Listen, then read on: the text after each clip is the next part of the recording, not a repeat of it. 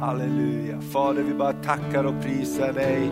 Tack att du är här genom den helige Ande. Tack att du bor ibland ditt folk som lovar och prisar och tackar dig. Tack Herre att du ställer våra fötter på en fast klippa. Tack att du tar oss igenom livets olika omständigheter. Och tack Herre att du är fastheten, styrkan, men du är också glädjen i våra liv Herre. Vi bara prisar dig Jesus, att vi får eh, lova och prisa och tacka dig. Halleluja, vi bara tackar dig Herre. Tänk att du också hjälper oss att lyfta blicken Herre och se på dig och ta emot allt gott som kommer ifrån dig. Heliga Ande, vi bara tackar dig. Du öppnar ditt ord för oss idag och låter det vara mat för vår invärtes människa. I Jesu Kristi namn vi ber. Amen. Och allt folket sa det. Amen. Gud välsigne dig. Varsågod och sitt. Tack så mycket. Härlig lovsång. Underbart. Ge dem en härlig applåd. Halleluja. Underbart. Prisa Gud tillsammans. Ingenting är bättre än det och lyfta upp Jesus namnet. Som du hörde Andreas sa så kunde inte eh, broder Sverre komma tillsammans med Karina eh, som har ett fantastiskt vittnesbörd om hur Jesus befriar på ett underbart sätt ifrån droger, ifrån eh, missbruk och olika saker. Och vi ser fram emot att eh, komma senare här. Han är så underbar. Broder Sverige, han är gammal, gammal man nu men han är full av andens liv och andens kraft. Och jag säger, jag säger till honom, du är alltid välkommen att komma. Vi behöver de förebilderna som har vandrat hela livet och bevarar glöden och elden och den heliga Andes passion. Eller hur? Amen. Underbart. Vet du vad, att idag är en bra dag. Amen, det är en bra dag för att Jesus lever. Halleluja, och han sitter på Faderns högra sida och han ber för dig. Halleluja, I, i, 19, i gamla översättningen står det att han manade gott för oss. Halleluja, han hejar på oss som man manar på hästarna för. Kom igen nu.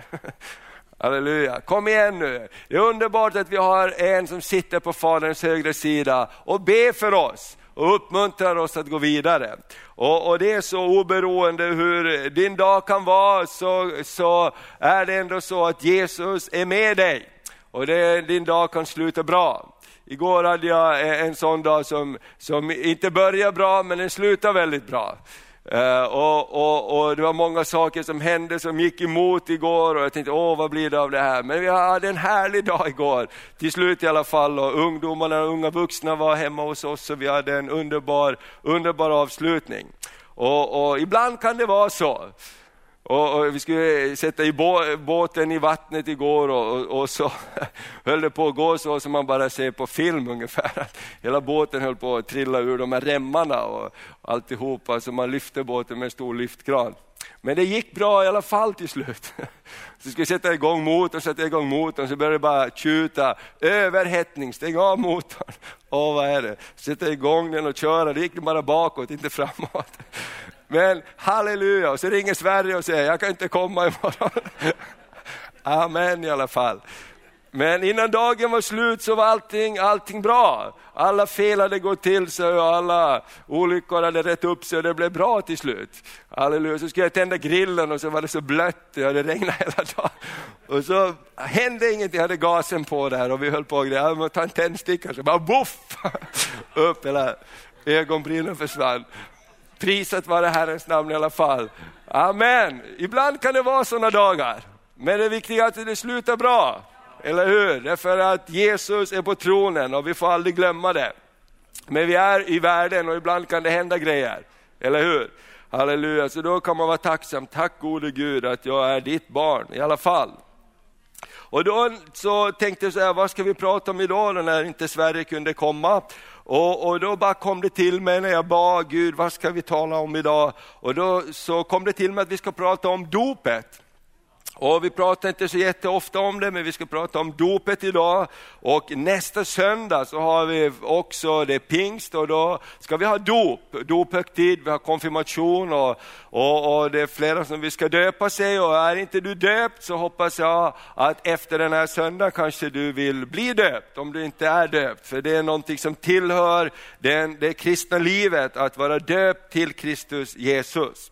Och Bibeln talar om egentligen tre olika sorters dop. Talar om dop i vatten, talar om dopet i den helige Ande. Och det så vill vi fortsätta be för och, eh, och, och bara betjäna. Vi tror att dopet i den helige Ande är till för idag. Och nästa helg är ju pingst och då minns vi på ett speciellt sätt hur det heliga ande kom och berörde alla som var samlade. Och sen talar Bibeln också om att vi kan bli döpta i eld. Och det är någonting ännu mer. Att bli döpt i den heliga ande och i eld, det är då som man brinner. Så andra försöker släcka ner den nästan. Amen. Men det är underbart där det brinner i våra hjärtan. Underbart, och, och hon, så han sa det, eh, Sverige, det, hon Karina, hon eh, åker runt hela tiden och berättar och vittnar och sjunger om Jesus. Hon, och det bara brinner i hennes hjärta. Och ibland är det så när någonting har berört oss och den heliga Ande berört oss, så brinner det. Amen. Vi kan, inte, vi kan inte låta bli, som lärjungarna sa, vi kan inte låta bli att berätta om vad vi har sett och hört. Även om de sa, då slänger vi er i fängelse. Ja, det gör ingenting, men vi kan ändå inte låta bli, för någonting brinner här på insidan. Och så vill vi ha det, eller hur? Och det vill Jesus hjälpa oss med. Och idag ska vi prata om då dopet i, i vatten lite mera. Jesus själv är döpt av Johannes eh, och han säger för att all rättfärdighet ska fullbordas. Och dopet har också sina förebilder i det gamla testamentet hur Israels folk blev räddade ur Egyptens slaveri. Hur gick det till? De blev räddade genom vatten. De gick genom Röda havet och fienden blev bakom dem och genom vatten så blev de räddade ut i frihet. Och eh, det är också så att vi kallar dopet en begravningsplats, eller hur? En dopgrav. Det är därför att dopet är någonting som också Bibeln talar om, att vi lämnar det gamla och vi uppstår tillsammans med Kristus i ett nytt liv. Det är en begravningsplats, dopet. Och det är ju inte så att när vi döper så lämnar vi någon kvar där. Det är inte en sån begravningsplats, utan vi tar upp dem igen. Amen. Och så får man vandra i ett nytt liv tillsammans med Jesus på ett nytt sätt. Och Dopet är också en del av missionsbefallningen. Och det här ska vi titta lite grann på, några bibelord och eh, bara titta vad Bibeln säger om det här. Och Det första är, varför ska vi döpas? Jo, för att Jesus har befallt det och han också med sitt liv visat betydelsen genom sitt eget dop när han lät sig döpas av Johannes. Matteus 28 och eh, 18 och 19 som vi väl känner till så står det om missionsbefallningen. Vad det sista Jesus sa till sina lärjungar innan han åkte upp till himlen.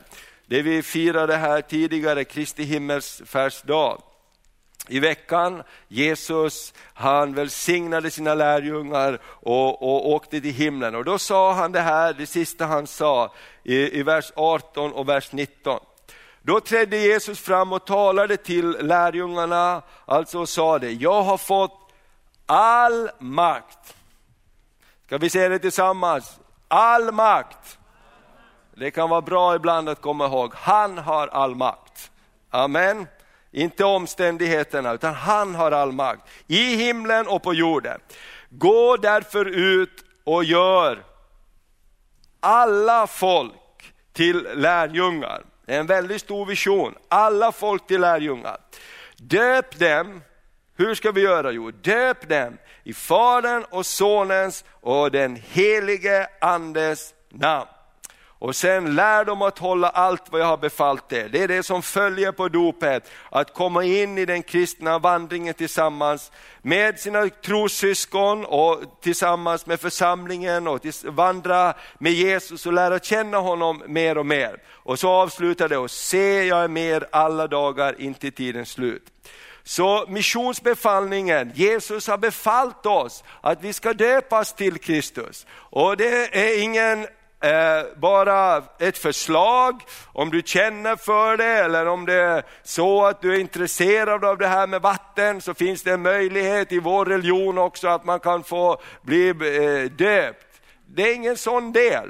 Utan Jesus sa, det finns någonting med dopet som är, ska vi säga precis som med Israels folk som blev omskurna när de var åtta dagar gamla, barnen, för att de skulle ha ett märke på sina liv att de tillhörde eh, det judiska folket. Och precis på samma sätt är dopet också någonting som märker våra liv i andevärlden på att vi tillhör Kristus Jesus, vi tillhör himlen. Och Bibeln säger att det är tre stycken som vittnar, anden, vattnet och dopet. De vittnar i andevärlden om din och min frälsning. Då betyder det att det inte bara är en intressefråga, utan det är också en lydnadsfråga till det Jesus sa. Och det finns en andlig dimension i dopet som är väldigt stark. I Markus står det så här, det var det andra evangeliet som berättar om missionsbefallningen. Och där så säger Jesus så här i Markus 16 och 16. Den som tror och blir döpt skall bli frälst, men den som inte tror skall bli fördömd. Det är en lite skarpare formulering. Den som tror och blir döpt, han skall bli frälst. Alltså någonting händer när tron kommer in i våra liv. Då är tron kopplad också med en handling. Tron utan gärningar, säger Bibeln, är död. Därför är tron kopplad med en trons handling. Och, och, här så är det väldigt tydligt att båda missionsbefallningarna som evangelierna beskriver det, är kopplade med en befallning om att låt dig döpas i vatten. Amen. Och vi ska titta lite längre fram också hur det var i verkligheten för den första församlingen, hur de praktiserade det här. Och ett till bibelord vill jag läsa ifrån Matteus 3 och 16. Och det handlar om eh, att Jesus själv blev döpt. Det är ganska viktigt också, för att vi säger så här, jag vill följa Jesus. Hur många brukar säga, jag vill följa Jesus? Amen. Jag hoppas att alla brukar säga, jag vill följa Jesus. Det är det vi har, håller på med. Och det är därför vi firar gudstjänst, vi samlas kring korset och vi försöker uppmuntra varandra att följa Jesus, eller hur? Göra som Jesus gjorde och, och, och, och hålla Jesus tron levande för oss. Och då står det så här om Jesus, att han kommer till Johannes döparen. Uh, och i vers 13 så står det så här, i 3 och 13. Sen kom Jesus från Galileen till Johannes vid Jordan för att döpas av honom. Men Johannes försökte hindra honom och sa, det är jag som behöver döpas av dig och du kommer till mig. Jesus svarade, låt det ske nu. Ty så bör vi uppfylla all rättfärdighet. Då lät han det ske. När Jesus hade blivit döpt steg han genast upp ur vattnet och se, himmelen öppnades och han såg Guds ande sänka sig ner som en duva och komma över honom. Och en röst från himlen sa, denna är min älskade, i honom har jag min glädje. Amen. Och här så säger Jesus till Johannes, Eh, när Johannes börjar diskutera det här med dopet, ska jag verkligen döpa dig? Ska inte du eh, döpa mig? Och Jesus svarade honom, låt det ske nu. Han sa, nu kan vi inte hålla på och diskutera det här, nu ska vi döpa. Amen. Det fanns någonting där hos Jesus som sa, det är ingenting att diskutera om. Jag behöver bli döpt för all rättfärdighet skulle upp, eh, upp, uppfyllas, som man säger. Så några orsaker är varför vi ska döpas till Kristus. Det är för att Jesus har befallt oss att den som tror på mig och vill bli min lärjunge, han ska låta döpa sig.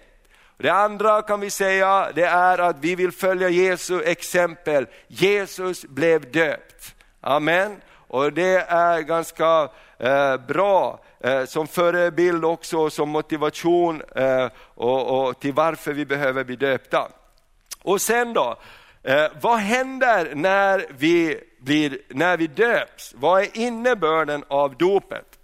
Väldigt ofta så brukar vi fastna i olika rörelser, olika sammanhang, olika kyrkor på exakt hur dopet ska gå till och så bara fastnar man där och då är det enda man tänker på men man tänker inte så ofta på vad betyder det verkligen att vara döpt i Kristus? Vad är innebörden av det? Är det bara det att jag blir döpt och sen är allting bra? Eller vad betyder det att vara döpt? Vad betyder dopet i mitt liv? Och därför tänkte jag att vi ska stanna lite på den punkten också här. Vad händer när vi döps och vad är innebörden av dopet?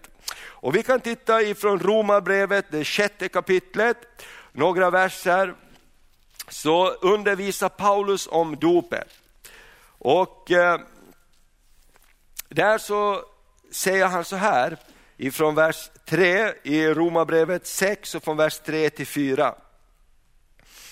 Eh, eller, vi kan läsa från vers 1 egentligen så får vi lite sammanhang. Vad ska vi nu säga? Ska vi fortsätta att synda för att nåden ska bli större? Nej, visst inte. Vi som har dött bort från synden, hur skulle vi kunna fortsätta att leva i den?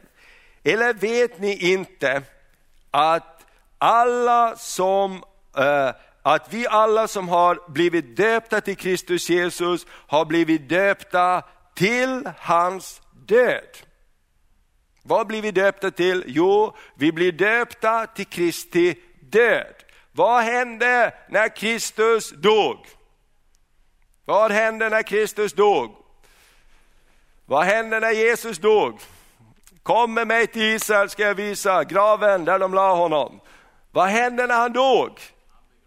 Han begravs, men vad hände efter tre dagar med Jesus? Han uppstod. När han i lydnad som det står Eh, gick till korset och dog på korset, då står det, då väckte den helige ande honom ifrån de döda. Vad säger Jesus, vad säger eh, apostlarna? Låt er döpa så ska ni som gåva undfå den helige ande. Någonting händer när vi går med Jesus i dopet. Den helige ande kommer. Därför vi döps till, som det står här, vi, vi blir begravda med honom. Och sen står det så här, för att vi ska leva det nya livet liksom Kristus uppväcktes från de döda genom Faderns härlighet. Amen. För att vi ska kunna vandra i ett nytt väsen i liv så måste vi först dö för att kunna bli uppståndna och uppväckta igen. Och det är det som händer när vi döps till Kristus. Jag har dött med Kristus. Och Paulus säger, nu lever inte längre jag, utan Kristus lever i mig. Och tänk att du som har blivit döpt, det gäller dig och det gäller mig. Kristus lever i oss. Vi lever inte längre för oss själva. Jo, men gör vi inte det? Jo, ganska ofta gör vi det. Därför behöver vi påminna oss varandra. Vi är döpta. Vi har dött med Kristus. Och när fienden kommer och attackerar dig, hur dålig och besvärlig du är, så är det bra att säga, men jag har dött med Kristus. Amen, jag är död säger Paulus. Och en död så är det inte så mycket att bråka med, eller hur? Och nu lever jag ett nytt liv. Och det nya liv jag lever, det lever jag i Kristus. I Kristus, inte i mig själv, inte i min egen förmåga, utan i Kristus. Halleluja! Gud själv sa, i honom har jag min glädje. Halleluja! Om Gud har sin glädje i Kristus så kan också du och jag ha vår glädje i Kristus. Eller hur? Halleluja, han är alltid värd att ha sin glädje i. Amen. Och då står det så här, vi har alltså genom dopet i vers 4 blivit eh, begravda med honom för att vi också ska leva det nya livet, liksom Kristus uppväcktes från de döda genom Faderns härlighet. Ty är vi förenade med honom genom en död som hans, ska vi också vara förenade med honom genom en uppståndelse som hans. Amen. Halleluja! Vi vet att vår gamla människa har blivit korsfäst med Kristus för att syndens kropp ska berövas sin makt, så att vi inte längre är slavar under synden. Amen. Till den som är död är fri från synd. Har vi nu dött med Kristus så tror vi också att vi ska leva med honom. Amen. Dopet är en begravningsplats för att vi dör med Kristus där. Halleluja! Men prisat vare Herrens namn, när Kristus dog kom den helige Ande och väckte upp honom ifrån de döda. Och det är precis det här som lärjungarna talar om för, för, för på pingstdagen när de säger, vad ska vi göra för att få frid med Gud? Jo, tro på Jesus och låt er alla döpas så ska ni som gåva undfå den helige Ande. Halleluja, det är så underbart. Halleluja med den helige ande, för den är ihopkopplad med dopet på ett underbart sätt. Kolosserbrevet, var hittar vi det? Vi går lite vidare. Romarbrevet, Korinthierbrevet kommer vi sen till. Sen kommer vi till Galaterbrevet, sen kommer vi till Efesebrevet och sen kommer vi till Filipperbrevet och sen kommer vi till Kolosserbrevet. Kolosserbrevet 2 och vers 11 och 12. Här står det om att dopet är som en omkärelse i våra liv. Och vi läser vers 11 och 12. I honom blev också ni omskurna, inte med människohand utan med Kristi omkärelse, då ni avkläddes er syndiga natur och begravdes med honom genom vadå? Dopet. I dopet blev ni också uppväckta med honom genom tron på Guds kraft. Han som har uppväckt honom från de döda. Vi blev begravda i vers 12 med honom genom dopet, men i dopet blev ni också uppväckta med honom genom tron på Guds kraft. Ett mirakel sker i dopet. Ett mirakel sker i dopet. Och, och, och i, i, hela apostla, i, hela, i hela apostlagärningen och den första kyrkans tid så var ju dopet en, en, en missionshandling. Människor tog emot Jesus, lät sig döpas. Att döpa betyder att, eh, ne, baptissimo, baptissimo betyder att neddoppa ett element i ett annat. Man döptes precis som en grav, man blev omsluten av någonting omsluten av vatten, jag är omsluten, jag, jag, jag, jag har blivit begravad med Kristus för att uppstå till ett nytt väsen i liv med Kristus. Halleluja! Så i ditt vardagliga liv, i den andliga kamp vi kan gå igenom, hur ofta så säger vi i Jesu namn, själafiende, gå ifrån mig för jag är döpt.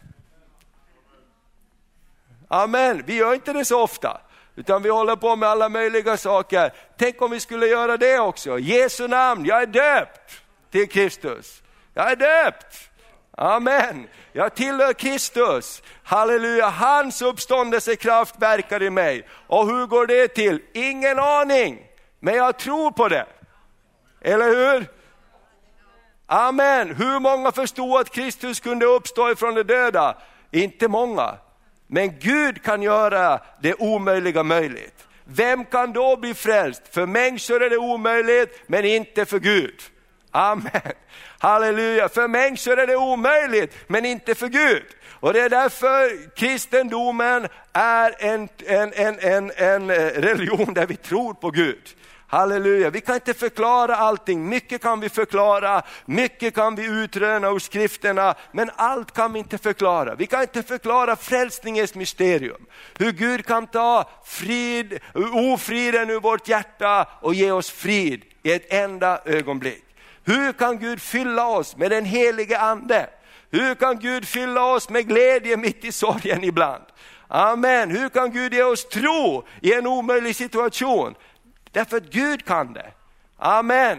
Och därför ska vi inte reducera vad Gud kan och inte kan. Och därför blev jag så ledsen när jag hörde ärkebiskopen här i veckan i det här Uppdrag granskning och han sa, nej det kan inte Gud. Och Gud, när journalisten frågar, kan en som, eh, eh, kan, kan en som, som är homosexuell, i det här fallet, bli botad genom bön? Kan Gud hjälpa? Eller kan, det var någon sån här fråga, ganska allmän. Va? Nej, det kan inte Gud. Och jag tänker, varför säger man så? Man kan ju säga, nej det är inte min erfarenhet. Men att säga att vi har beslutat vad Gud kan och inte kan, det är ju befängt, eller hur? Då är man väl inte Gud? Gud är väl Gud, han kan göra vad som helst. Annars är han ju inte ingen Gud. Eller hur? Annars är han någonting vi är självskapade. Det här kan han göra, det här kan han inte göra. Det här har han nu ändrat åsikt om och det här tyckte han förut men det tyckte han inte nu. Vi återkommer nästa år med ett nytt besked. Det funkar ju inte så, eller hur? Gud är större än det. Och han kan frälsa en människa, han kan hjälpa en människa. Amen, han kan bota en sjuk människa, han kan befria. Amen. Och vi vet inte hur han gör, men att han gör. Amen. Och det är det som är tro också, därför kommer vi till honom. Och dopet är någonting underbart här. Halleluja, så låt oss tänka på dopets kraft. Och då ska vi ta ett bibelord till. Halleluja. Första Petrus brev 3. Går vi ännu lite längre fram, Hebreerbrevet och efter Hebreerbrevet så hittar vi Jakobs brev och efter Jakobs brev så kommer första Petrus, det tredje kapitlet. Och då läser vi så här i vers 18 till 21. Eh, och här talar det också om dopet och det nya livet. Halleluja. Amen. Tänk om vi kan prisa oss saliga över dopet. Halleluja. Ja men det är ju bara en handling. Ja men det är en handling i tro på Gud. Och därför händer det någonting. Då står det så här ifrån vers 18. Så led också Kristus en gång för våra synder. Rättfärdig led han i orättfärdiga ställe för att föra oss till Gud. Han blev dödad till köttet, men levande gjord genom anden. I anden gick han bort och utropade ett budskap för andarna i fängelse. För dem som den gången var olydiga när Gud tålmodigt väntade under Noas dagar. Medan arken byggdes. I den blev några få, åtta, endast åtta personer frälsta genom vatten. Efter denna förebild frälser dopet nu också er. Det innebär inte att kroppen renas från smuts, det är inte alltså ett yttre bad, utan ett rent samvetets bekännelse till Gud genom Jesu Kristi uppståndelse. Han som har stigit upp till himlen och sitter på Guds högra sida sedan änglar, furstar och makter blivit lagda under honom.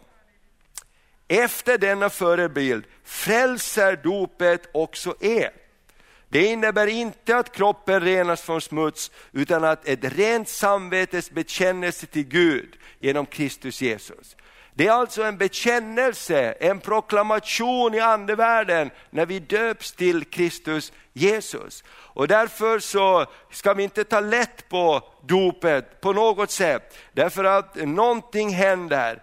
Precis som eh, när Gud gör ett mirakel, när två blir ett och fogar samman två människor och, och, och Gud gör någonting i äktenskapet som är bortom det som vi kan förstå. Men i andevärlden så händer det någonting att man förs samman. Och på samma sätt är det i dopet, när vi döps till Kristus, då händer det någonting.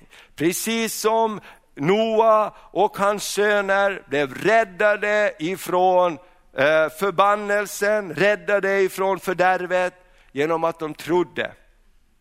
Därför är alltid dopet ihopkopplat med tro. Någon måste tro för att bli döpt. Annars är det bara en rituell handling, eller hur?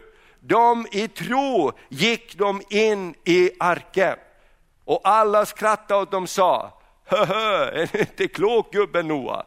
Bygger en båt mitt på land och hur ska du få den till vattnet?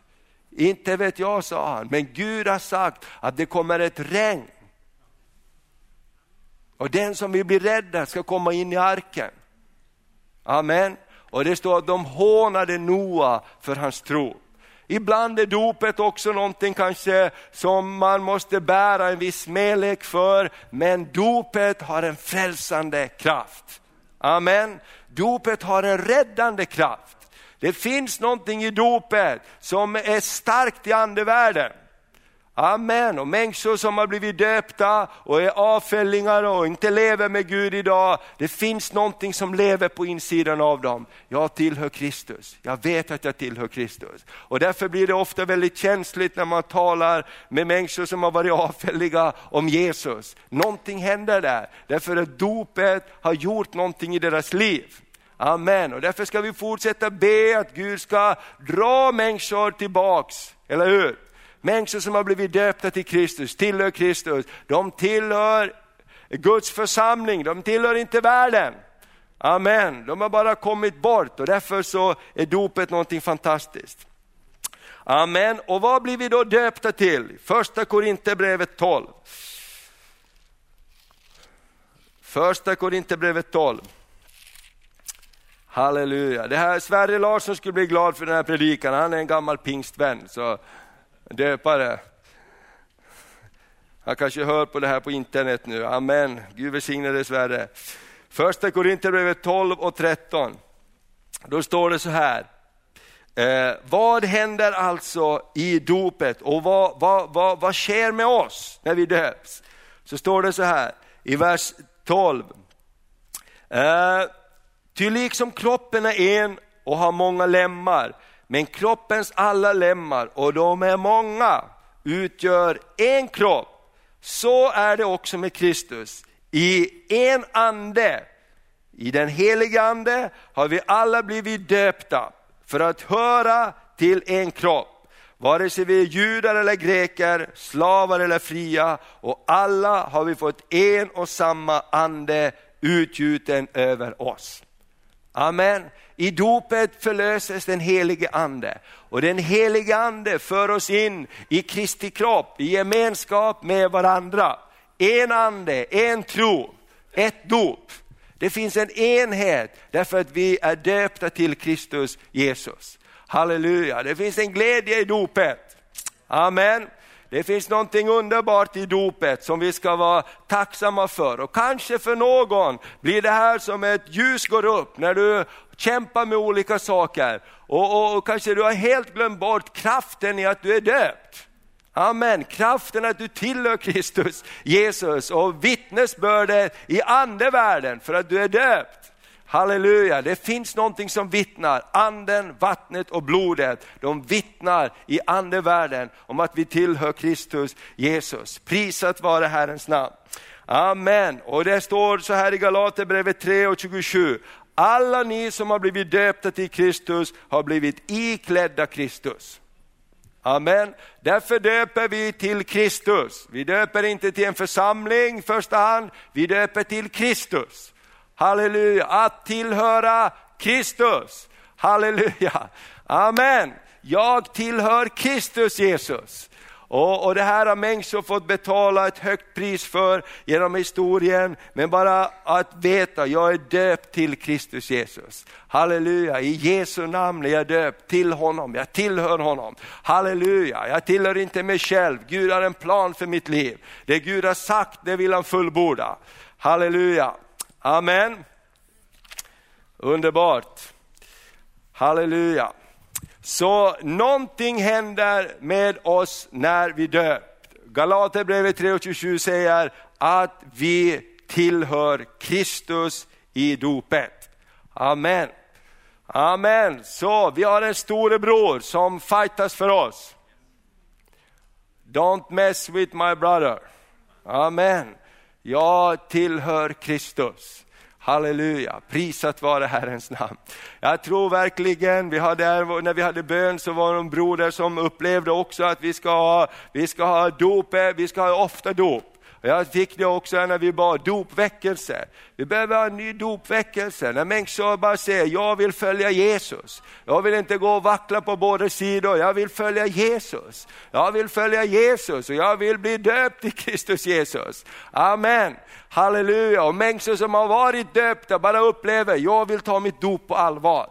Jag vill ta mitt dop på allvar, jag vill leva i, verksamhet, i verkligheten av mitt dop. Okej, då den sista punkten. Hur gjorde man i kyrkan på Bibelns tid? Den erfarenhet vi har av eh, eh, kyrkan i Nya Testamentet är ju främst i apostlagärningarna. Det är ju där vi kan läsa hur lärjungarna tog budskapet vidare efter pingstdagen och vi ska bara göra en liten resa i apostlagärningarna och läsa några bibelställen där och du kan slå upp om du vill eller så kan du bara lyssna. Du får bibelställena här också på, på väggen. I Apostlagärningarna 2 och 37 så står det så här och framåt. Och det är på pingstdagen när anden faller och det står att de får eh, eh, eh syndanöd i sina hjärtan. Så står det, när de hörde detta, Paul, Petrus predikan alltså, så högg det till i hjärtat på dem. Och de frågade Petrus och de andra apostlarna, bröder, vad skall vi göra? Petrus svarade dem, omvänd er och låter alla döpas i Jesu Kristi namn. Vad var svaret på frågan? Ja, gå en alfakurs. Det är jättebra. Eller kom så ska, utan första Petrus säger, låt er döpas. Amen. Det är väldigt, det är väldigt, det första effekten av den första predikan i församlingen, conclusion, är låt er döpas. Amen. Låt er döpas. Omvänd er först, omvänd er och låt er alla döpas i Jesu Kristi namn, så att era synder blir förlåtna. Halleluja, någonting sköljs bort där i dopgraven. Det finns ett förlåtande av synder, det finns ett nytt liv som väntar och som lämnas där i dopgraven. Halleluja, det är det som det står, så att era synder blir förlåtna. Då ska ni få den helige ande som gåva. För de förstår, anden är den som uppväcker och ger liv och föder på nytt. Då, det som då tog emot hans ord döptes och så ökade antalet lärjungar den dagen med omkring 3000. Halleluja! Ja, hur ska det gå att vi ska bli 300? Det gick väldigt fort där att bli 3000 på en enda dag. Amen. Halleluja, den heliga ande var verksam och det står att genom dopet så kom de in i församlingen också. Genom dopet så blev de införlämmade och började kallas eh, lärjungar. Om vi tittar vidare några kapitel fram så har vi kapitel 8. Och då så är det eh, så att förföljelsen har brutit ut i, i Jerusalem. De eh, har blivit kringspridda och de går och predikar överallt. Och Filippus står det, han kommer till Samaria. Eh, och de gick, det står så här i vers 4 i kapitel 8. De som nu hade blivit kring, eh, de som nu hade skingrats gick omkring och predikade evangelium. Filippus kom ner till staden Samaria och predikade Kristus för folket. Och vad händer när, och han gör det med under och tecken och det blir stor glädje i staden. Och vad är resultatet? Jo, i vers eh, eh, 12, där är också en, en, en trollkarl som heter Simon som, som hade eh, hållit staden i, i, i sin, sin hand på ett sätt genom trolldomen han hade bedrivit. Men nu kommer Filippus och han predikar evangeliet i den helige andes kraft. Och så står det så här i vers eh, 12. I vers, vi kan läsa vers 11 också, för det handlar om Simon. De hade hållit sig till honom därför att han under lång tid hade bländat dem med sina trollkonster.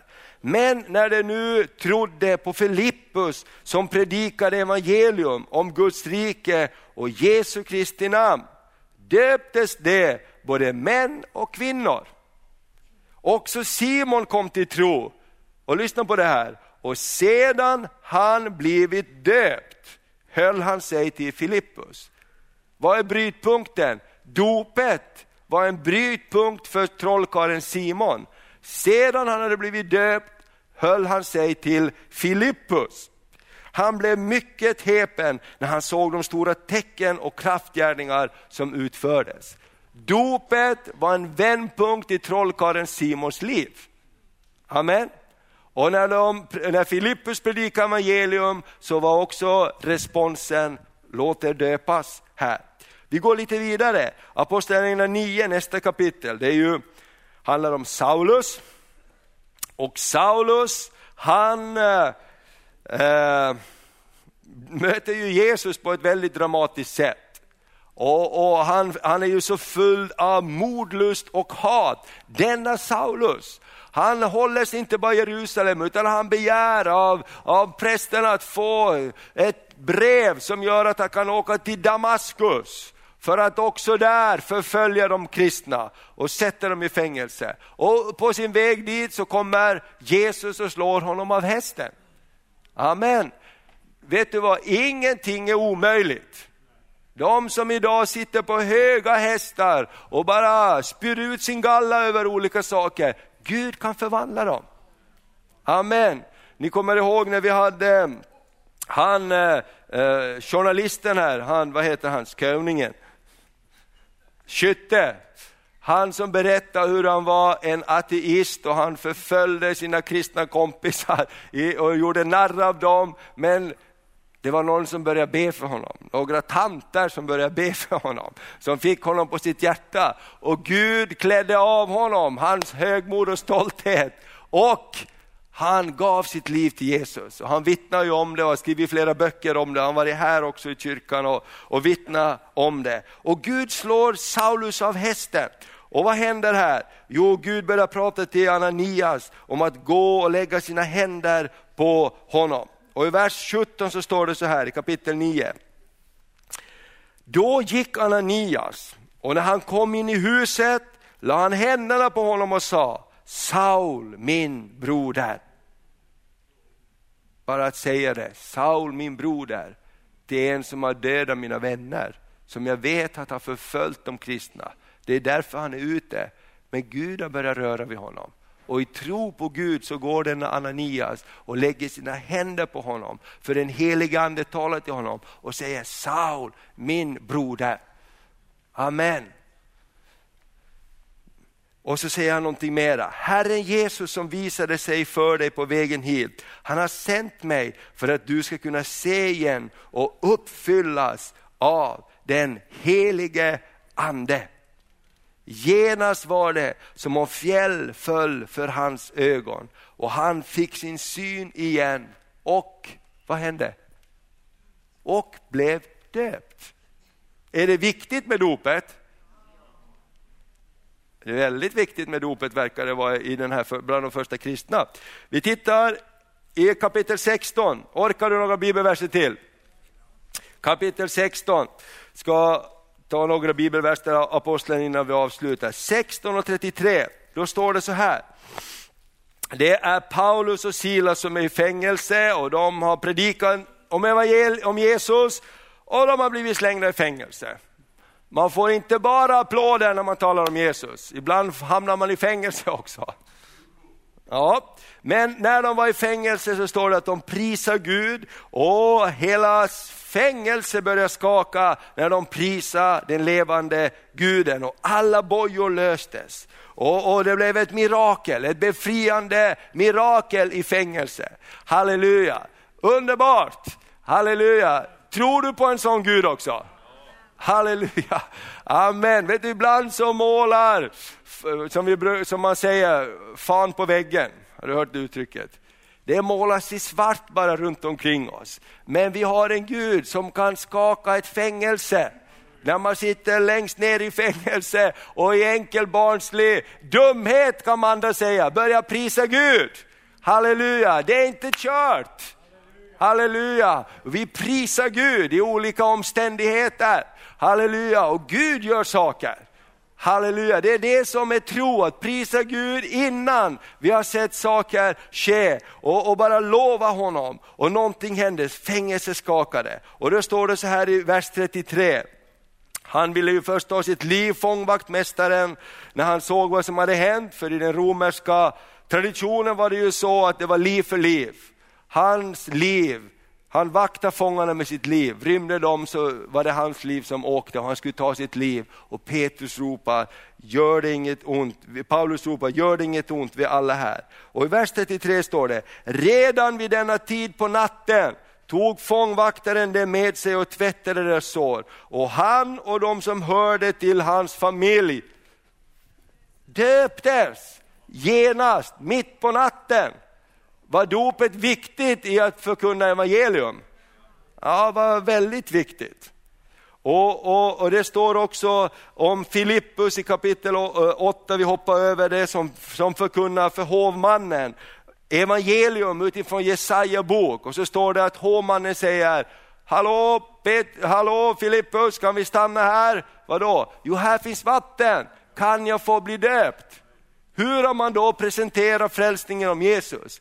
Man måste ha sagt väldigt mycket om att tro på Herren Jesus Kristus och låt dig döpas så ska du bli frälst.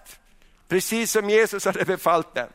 Ska vi ta något ord till här? För här är en till i Apostlagärningarna. För nu blir det lite spännande här, för nu är det hela hushåll som blir döpta. I kapitel 16 var det fångvaktmästaren och hela hans hus och i kapitel 18 och vers 8 så står det också att ett helt gäng blev döpta. Uh, uh, då står det så här, uh, Paulus i Korint, och han hade förföljelse där också.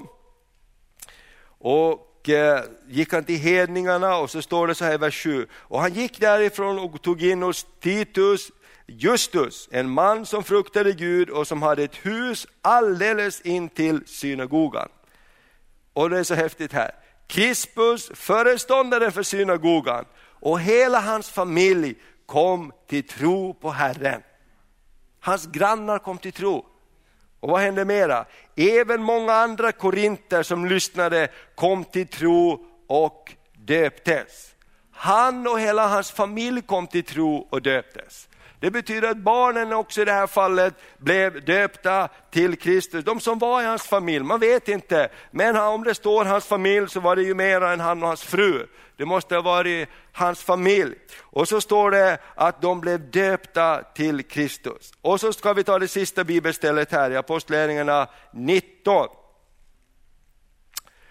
Och där handlar det om, så här ska vi läsa ifrån vers eh, 6, här kommer Paulus till Efesus. Och i Efesus så, så händer det saker. Uh, och vi kan läsa så här, vi kan läsa från vers 1, uh, uh, för här står det om dopet ganska mycket. Kan man bli omdöpt? Det svarar de här bibelorden på.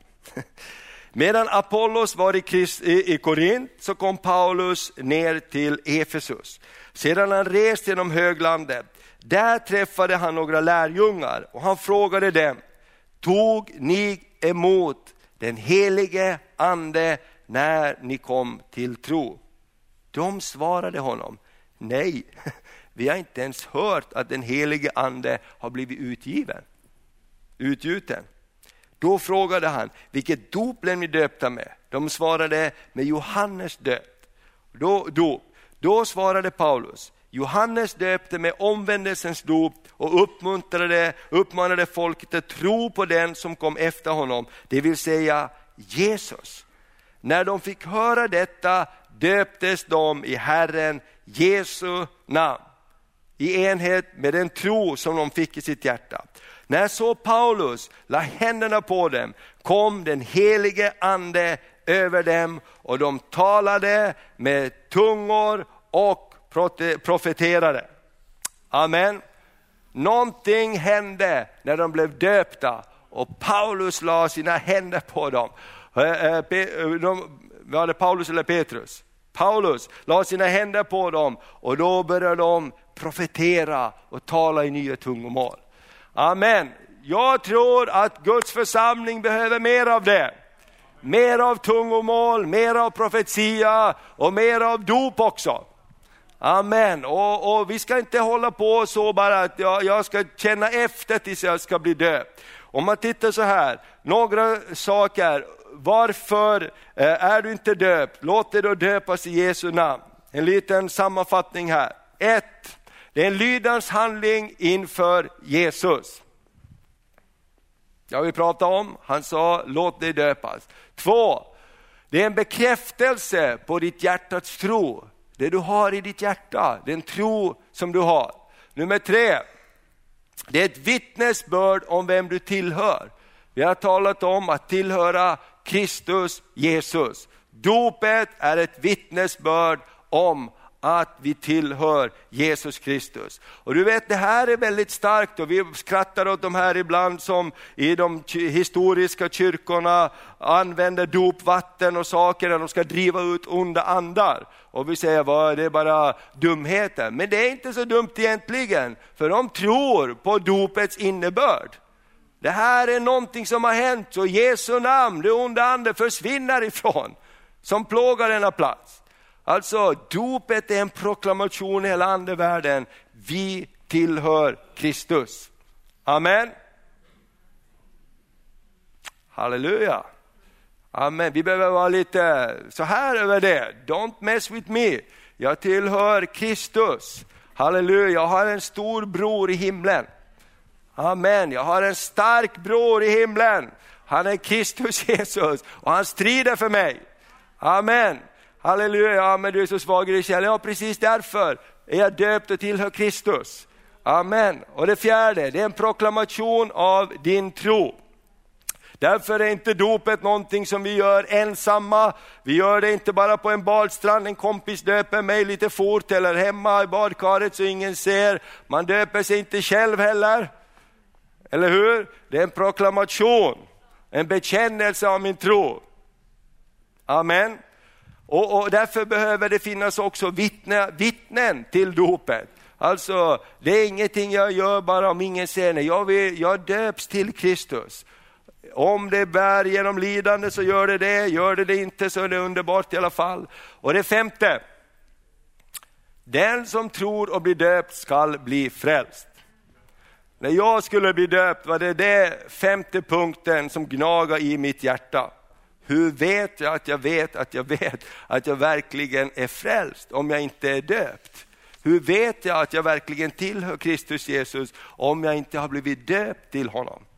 När Bibeln säger det, som tror och blir döpt skall bli frälst. Så om du inte är döpt min vän, så säger jag som Ananias till Paulus, varför dröjer du? Varför dröjer du? Ja, men jag känner inte för det. Är det rätt infallsvinkel? När Jesus har sagt att den som tror och blir döpt ska bli frälst. Gå ut i hela världen, förkunna evangelium och döp dem i Faderns, Sonens och den helige Andes namn. Och lär dem att hålla, bli en lärjunge. Så därför tror jag att eh, dopet är någonting fantastiskt välsignat. Halleluja, vi ska tro på en dopväckelse i Sverige och Örnsköldsvik och där vi tar fasta på kraften i dopet också. Amen. Halleluja, jag tillhör Kristus och vi jublar innerlig barnlig, barnslig glädje för att vi har blivit döpta till Kristus. Halleluja. Amen. Halleluja, ska vi be tillsammans och, och eh, nästa söndag så har vi dop här och är du inte döpt till Kristus så vill jag bara säga, varför dröjer du? Amen. Låt dig döpas, vi har vatten här, man kan både tappa i vatten och ur vatten och man kan värma upp vattnet till och med. Ibland är det kallt och ibland är det varmt men det spelar ingen roll. Amen. Bara vi får bli döpta till Kristus. Amen. Ska vi be tillsammans? Halleluja. Jesus, vi bara tackar dig för den här dagen. Vi bara tackar dig för att du talar så tydligt i ditt ord om vikten att låta döpa sig till Kristus Jesus. Och, men också det att vi lever i dopets välsignelse. Och vi ber Herre, förlåt oss, förlåt mig att jag inte pratar mer om det här med dopet och vad dopet verkligen innebär. Att vi har dött från oss själva och lever, nu inte längre för oss själva utan vi lever i Kristus. Halleluja, bara tacka dig att vi har uppstått i dopet med Kristus. Halleluja, bara tacka dig för att den heliga Ande är given också, utgjuten över var och en Herre, som tror och som har blivit döpt. Jag bara tackar dig, halleluja. Åh, jag bara prisar dig Fader, jag bara, vi bara prisar och lovar dig i Jesu Kristi namn. Tack att dopet är en välsignelse ifrån himlen och en proklamation i hela andevärlden. Att det är Gud som frälsar oss, det är inte vi själva som frälsar oss. Gud gör någonting i dopet. I Jesu Kristi namn. Amen. Så i dopet gör du någonting, den som döper gör någonting, men framförallt Gud gör någonting i dopet. Det är inte bara en yttre handling, Gud gör någonting i dopet. Amen, halleluja. Prisat vare Herrens namn. Ska inte jag vara döpt så skulle jag vilja bli döpt igen. Amen. Så dopet, det välsignar dig. Så i Jesu namn, så bara kom och, och tala med mig eller Andreas här om du vill bli döpt nästa söndag, så, så ska vi ordna det. Och det är det vi gör också med konfirmationen, när man blir konfirmerad här, när vi har varannat år. Så då säger vi till alla ungdomar i konfirmationen, en proklamation att jag vill vara en kristen och det innebär att jag blir döpt också om jag inte är det. För man kan inte förbli en kristen utan att vara döpt. Då är det någonting allvarligt i min efterföljelse av Jesus som fattas. Amen. Gud välsigne dig.